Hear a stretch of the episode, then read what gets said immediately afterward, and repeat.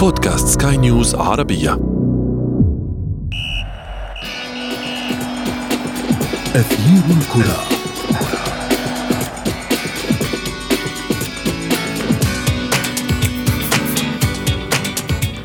الاتحاد الإفريقي لكرة القدم على موعد استثنائي جديد بعد عدة أشهر من الآن لاختيار رئيسه الجديد ما بين الترشح لرئاسة قمة الهرم الكروي للقارة السمراء والاكتفاء بالترشح في تنفيذية الفيفا أو حتى الاكتفاء بدعم مترشح بعينه. كثيرون أعلنوا موقفهم وآخرون لم يعلنوها بعد. ونحن اليوم في أثير الكرة نفتح النقاش على أبرز المرشحين وحظوظهم وآخر تطورات الأوضاع في الكاف. معي أنا محمد عبد السلام ولكن دعونا أولا نبدأ من العناوين. أحمد أحمد بين نارين الترشح لولاية جديدة على رأس الاتحاد الإفريقي أم تجنب قرارات لجنة القيم في الفيفا؟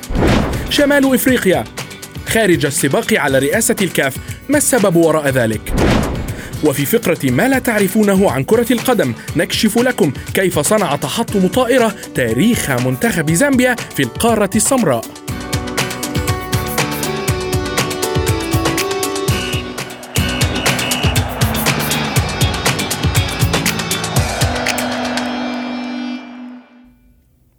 انتخابات رئاسة الاتحاد الإفريقي تقترب وسط غموض يحوم حول موقف الرئيس الحالي الملغاشي أحمد أحمد خاصة بسبب التحقيقات الدائرة حول عدد من اتهامات الفساد الموجهة له.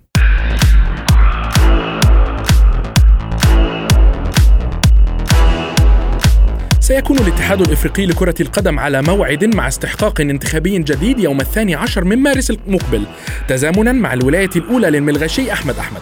هذا السباق الرئاسي في الكاف يبدو أنه سيكون مختلفا عن سابقيه. فالرئيس الحالي أحمد أحمد يصطدم بقائمة من المرشحين ذو الأسماء والمعروفة في عالم كرة القدم الإفريقية. فكيف سيكون السيناريو؟ دعونا نتعرف على المزيد في تقرير الزميلة شذى حداد. الماراثون الانتخابي الأكبر في إفريقيا.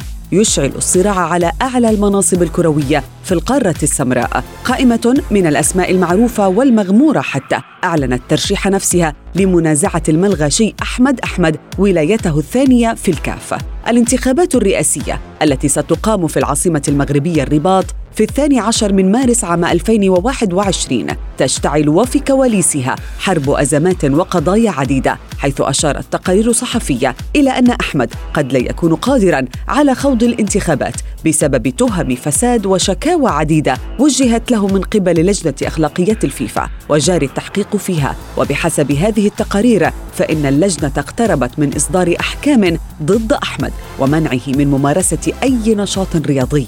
ما يفتح الباب على مصراعيه للتكهنات ويزيد من سخونة الصراع الانتخابي المحتمل. فالعاشر في قائمة فوربس لأغنياء القارة السمراء ومالك نادي ماميلودي صن داونز الجنوب إفريقي باتريس موتيسيبي أعلن ترشحه لزعامة الكاف. كما شهدت القائمة أيضا تواجدا موريتانيا بإعلان أحمد ولد يحيى عن نفسه كأول رئيس اتحاد عربي يقرر خوض غمار الانتخابات الإفريقية. كما انضم إلى قائمة المرشحين العاجي جاك أنوما الذي يعرف خفايا الكاف جيدا وقد تولى منصب رئاسة الاتحاد الإيفواري في عهد الرئيس السابق عيسى حياته والذي حكم الكرة الإفريقية بقبضة من حديد.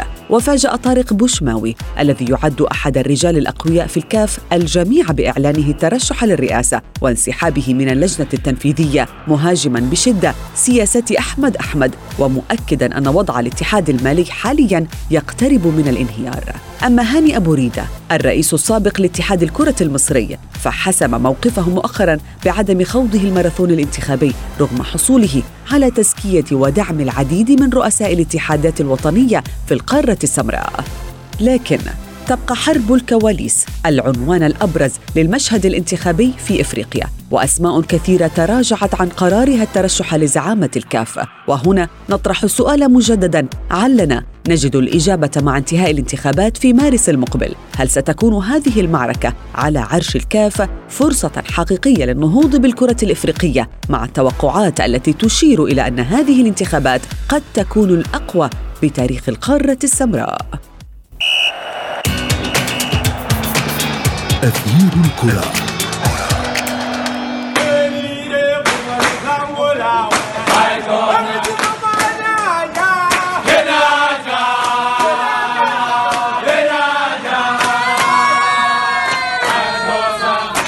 غموض يحوم حول انتخاب رئيس للاتحاد الإفريقي لكرة القدم. مؤشرات ومعطيات تجعلنا نفكر كثيرا فيما سيحدث في مارس القادم. للمزيد ينضم إلينا من المغرب الإعلامي الرياضي يوسف الشاطر، مرحبا كابتن يوسف. مرحبا بك محمد مرحبا بكل مستمعيك الكرام وينضم إلينا أيضا من القاهرة نائب مدير تحرير موقع في الجول فادي أشرف مرحبا كابتن فادي مرحبا بك أستاذ محمد ومرحبا بضيفك الكريم وكل المستمعين. كابتن يوسف دعنا نبدأ معك اولا من المرشحين المحتملين لخوض الانتخابات الرئاسية القادمة في الكاف. من الأبرز في رأيك؟ يبدو لي بكل موضوعية حتى الآن هو أحمد أحمد إذا ظل ترشيحه قائما من طرف الاتحاد الدولي لكرة القدم فيفا ولم يكن هناك أي مفاجآت أحمد أحمد يبقى الاسم الأبرز إلى حدود الساعة إلى جانب أسماء أخرى تأتي من بعيد. أسماء سنكتشفها تقريبا للمرة الأولى حتى على مستوى الأسماء كالجنوب إفريقي باتريس موتسيبي المرشح من طرف الاتحاد الجنوب إفريقي لكرة القدم والمدعوم بقوة من بعض الأعضاء. هناك أيضا الإيفواري جاك أنوما الذي آه، يصبح حتى هو من الأسماء المرشحة. ممكن أن نقول إضافة إلى الموريتاني أحمد ولد يحيى الرجل الشاب الذي صنع ممكن أن نقول أنه صنع كرة القدم الموريتانية الحديثة في خلال السنوات العشرين الأخيرة. بدايته كانت آه، بسيطة مع فريق نواديبو لكنه سريعا ما آه، تطور مع هذا الفريق وترأس الاتحاد الموريتاني ليصل إلى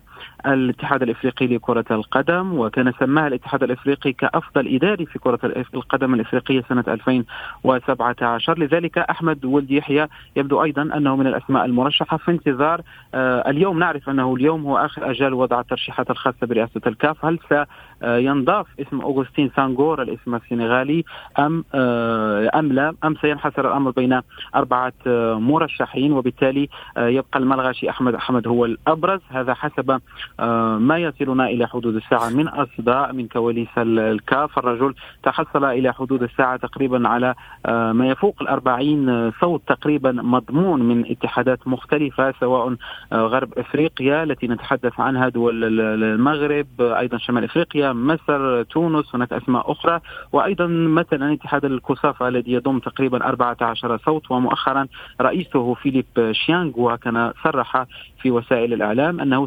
سيساند ترشيح أحمد أحمد ونقول أن هذا الاتحاد نعم. اتحاد كوسافا يضم 14 صوتا وبالتالي هو رقم كبير بالنسبة لأحمد أحمد. على العموم هي انتخابات آه، مبهمة إلى حدود الساعة. ننتظر الحسم من الفيفا. هل ستزكي أحمد أحمد أم سيكون هناك مفاجآت؟ إذا ما استبعدنا أحمد حمد وهذه فرضية فبالتالي سنكون أمام منافسة ثنائية بين أحمد ولد يحيى والجنوب إفريقي باتريس موتسيبي الذي يجب أن نتحدث عنه كثيرا ونلقي النظر عليه. من أين أتى هذا الرجل الذي يبقى آه، مجهول نعم بالنسبة للكثيرين؟ كابتن يوسف آه كابتن كابتن فادي بالحديث عن المرشحين هناك اسمان آه, آه، أعلنوا ترشيحهم للمكتب التنفيذي للفيفا.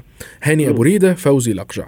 ما هو سبب توجه هاني ابو ريده تحديدا إلى آه، المكتب التنفيذي عوضا عن آه، رئاسة الكاف آه، ربما هاني أبو ريدة كان ينتظر دعم أكبر سواء من الاتحاد الدولي لكرة القدم فيفا ورئيسه جاني إنفانتينو والدولة المصرية كمان بشكل كبير لأن فكرة الدخول في انتخابات على رئاسة الاتحاد الأفريقي لكرة القدم هي أمر يستحق ودعم من الدولة المصرية. لذا في حال غياب آه، الدعم من الناحيتين سواء من فيفا أو من آه، من الدولة المصرية؟ رأى هاني أبو ريدة إن من الأفضل إنه آه، ينافس أو يستمر في المنافسة على مقعده في مجلس الفيفا بسبب عدم كمان وضوح الرؤية بعد ترشح باتريس موتسيبي نعم فادي فادي ولكن أنت تتحدث عن عدم وجود دعم له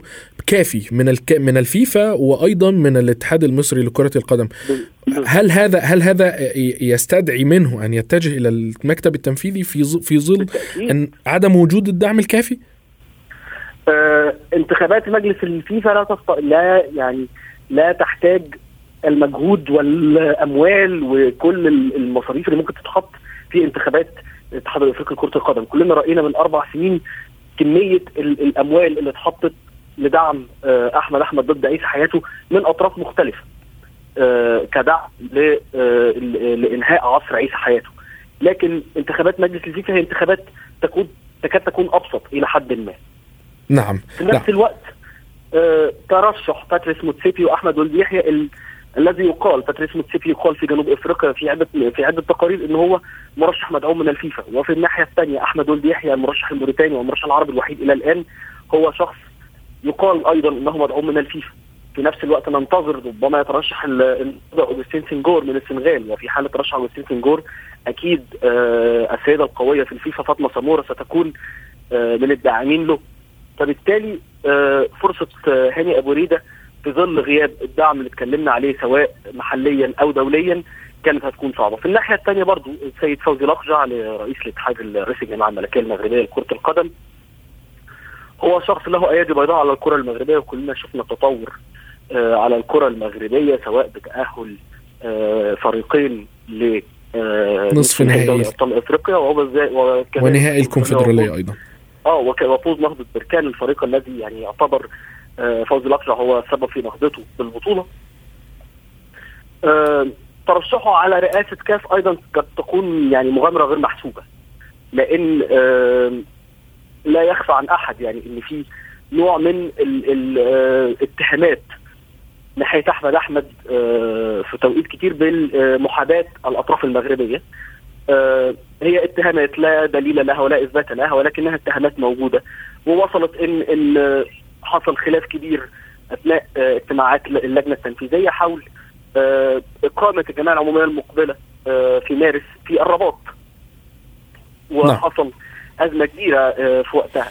فبالتالي ترشح فوزي الاقجع اظن لم يكن سيحصل على تأييد كبير من الجمعيه العمومية المكونة من الاتحادات الأهلية الإفريقية. فبالتالي كان قرار أيضا موفق من لقجع الترشح على مقعد الفيفا خاصة إن هو مسؤول له ثقله الإقليمي والدولي في الوقت نعم كابتن فادي تحدثت عن نقطتين في في غاية الأهمية أن هناك أنباء على على أن الفيفا تدعم موتسيبي و ولد ولد يحيى بالإضافة إلى النقطة الثانية وهي أوغستين سانجور وفاطمه سموره. دعنا ننتقل إلى السيد يوسف، أستاذ يوسف بالحديث عن دعم الفيفا لموتسيبي أو ولد يحيى هل هل هذا يجعل الاتحاد الإفريقي بين قوسين ما بين طرف من من الطرفين هذا موتسيبي أو ولد يحيى؟ بالنسبة لي شخصيا لا أظن ذلك يعني بين موتسيبي والأحمد ولد يحيى أنا مقتنع أو شيء مقتنع أن الفيفا تفضل أحمد أحمد. إذا كانت الأمور ستسير على ما يرام دون لغط كبير في الصحافة دون تسريبات كثيرة على فضائح ودون قضايا أخرى ودون أمور قد تنغص شيئا ما من الصورة التي تريدها الفيفا للاتحاد الإفريقي لكرة القدم فإن أحمد أحمد سيستمر على رأس الكاف. وأعطيك مثال بسيط أن الاتحاد التونسي لكرة القدم وديع الجري في تصريح لتلفزيون تونسي في برنامج مباشر قال بالحرف أنه أنا لم أعطي الترشيح والتزكية الذي التي طلبها طارق بوشماوي من أجل أن يترشح لرئاسة الكاف لأني أعرف أن المرشح الأبرز لي التي الذي تريده الفيفا تحصل إلى حدود الساعة على أكثر من 40 صوت وهو يتحدث عن احمد أحمد في تلك الجلسة. لذلك يبدو أننا أمام سيناريوهين. السيناريو الأول إذا ما الفيفا قررت أن تساند أحمد أحمد وأن يستمر فهو سيستمر لأنه يملك جميع الأصوات ويملك جميع الدعم سواء من الدول التي تحدثت عنها سلفا أو من الدعم المباشر من النائب الثاني والنائب الثالث الذي هو فوزي لقجع وأيضا الكونغولي كوستانت عمري فهنا ممكن أن نقول أن أحمد أحمد هو المرشح أنا أعطيت فرضية أنه إذا ما الفيفا قررت أن أحمد أحمد لن يترشح. وأن الصورة التي سحبته في الأشهر الأخيرة من فضائح آه كثيرة سواء فضائح مرتبطة بقضايا أخلاقية أو أيضا فضائح شركة الألبسة الفرنسية. ف تلك اللحظة سيكون أمام الفيفا اتخاذ القرار. نعم كابتن يوسف وهنا وهنا هنا بالتحديد السؤال هل هل يتمسك إنفانتينو بأحمد أحمد أو يدعم أحمد أحمد في ظل وجود قضايا تحقيقات في قضايا فساد موجهة لأحمد أحمد؟ وهذه لعبة الأعصاب صديقي محمد هذه التي أتحدث عنها إذا ما استمر في دعمه فسيكون أمام أحمد. أحمد إذا رأى أن الأمور فاقت الحد المعقول سنصبح أو سننزل إلى المستوى الثاني من الترشيحات.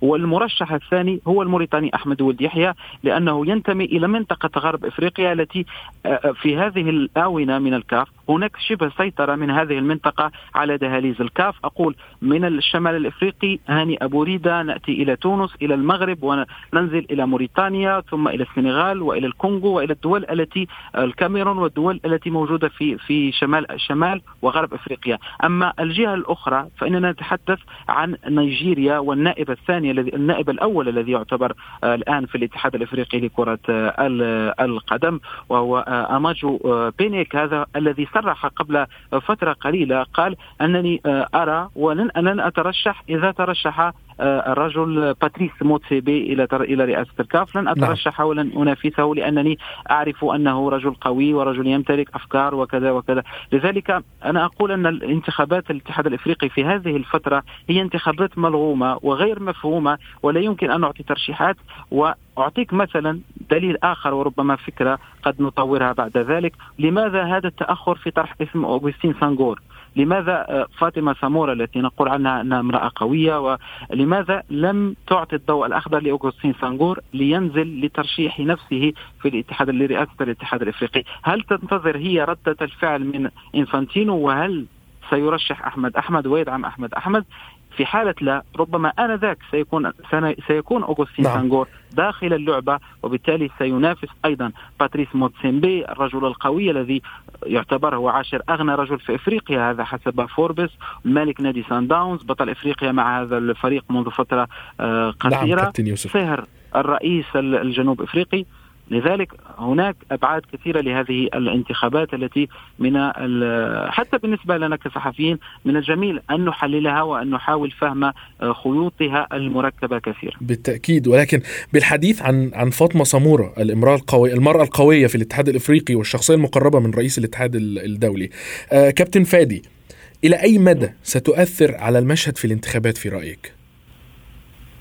في وجهة نظري اسمح لي في البداية أتفق وأختلف مع صديقي يوسف أنا شايف إن استمرار أحمد أحمد في العملية الانتخابية آه، أمر صعب للغاية وأظن هو يعني لن يكون متواجدا معنا في شهر مارس المقبل آه، في الرباط. ولكن في نفس الوقت أظن أيضا إن انتظار فاطمة سموره لمنح الضوء الأخضر آه، لأوجستين سنجور للترشح على الانتخابات هو أيضا انتظار للموقف النهائي لجاني إنفانتينو. لو رجعنا آه، قلنا ليه آه، صوت فاطمة سمورة أو دعم فاطمة سمورة هو اللي هيخلي زي ما بنقول في مصر الميزان يطب لصالح آه، مرشح عن مرشح آخر. أرى إن موقف الفيفا برئيسها جاني إنفانتينو هو سيكون الدعم الأهم لأي مرشح من ضمن المرشحين المتقدمين على انتخابات الرئاسة.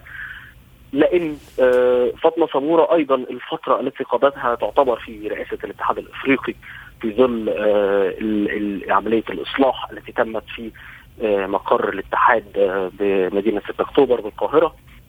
ربما قللت من شعبيتها بين الاتحادات الأهلية الأفريقية وربما وضعتها تحت ضوء لم تكن هي جاهزة لها بشكل من الأشكال.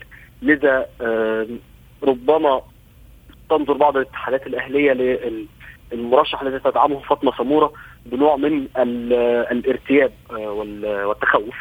لكن في نفس الوقت آه، زي ما صديقي يوسف قال آه، وجود عنصر زي أحمد ولد يحيى مترشح على الانتخابات في ظل وجود دعم كبير من اتحادات غرب افريقيا وكذلك ربما اتحادات شمال افريقيا وكذلك وجود مرشح مثل باتريس موتسيبي الذي سيكون بالتأكيد مدعوم من جميع اتحادات جنوب القارة وهو الأمر الذي اوضحته أوضحته رئيسه اتحاد سيراليون إيشا جوهانسون وكذلك النائب الأول لرئيس كاف النيجيري أماجو بينيك. يبدو إن حتى في حال ترشح اوجستين سنجور وعدم استمرار أحمد الذي أنا أتوقعه بشكل كبير ستكون المنافسة محصوره ما بين أحمد ولد يحيى وباتريس موتسيبي حتى جاك انوما أحد الاسماء الخبيره والتي آه، كانت معارضة كمان شرسة لعيسى حياته ربما تكون فرصتها ضعيفة جدا. نعم بالتأكيد. وخلال خلال الفترة المقبلة سيتم دراسة ملف كل مترشح من قبل لجنة القيم في الاتحاد الإفريقي ثم تقرر من سيدخل المعترك الانتخابي. شكرا جزيلا لكم ضيفي. كنت معي من المغرب الإعلامي الرياضي يوسف الشاطر وأيضا من القاهرة نائب مدير تحرير موقع في الجول فادي أشرف. شكرا جزيلا لكما. أثير الكرة.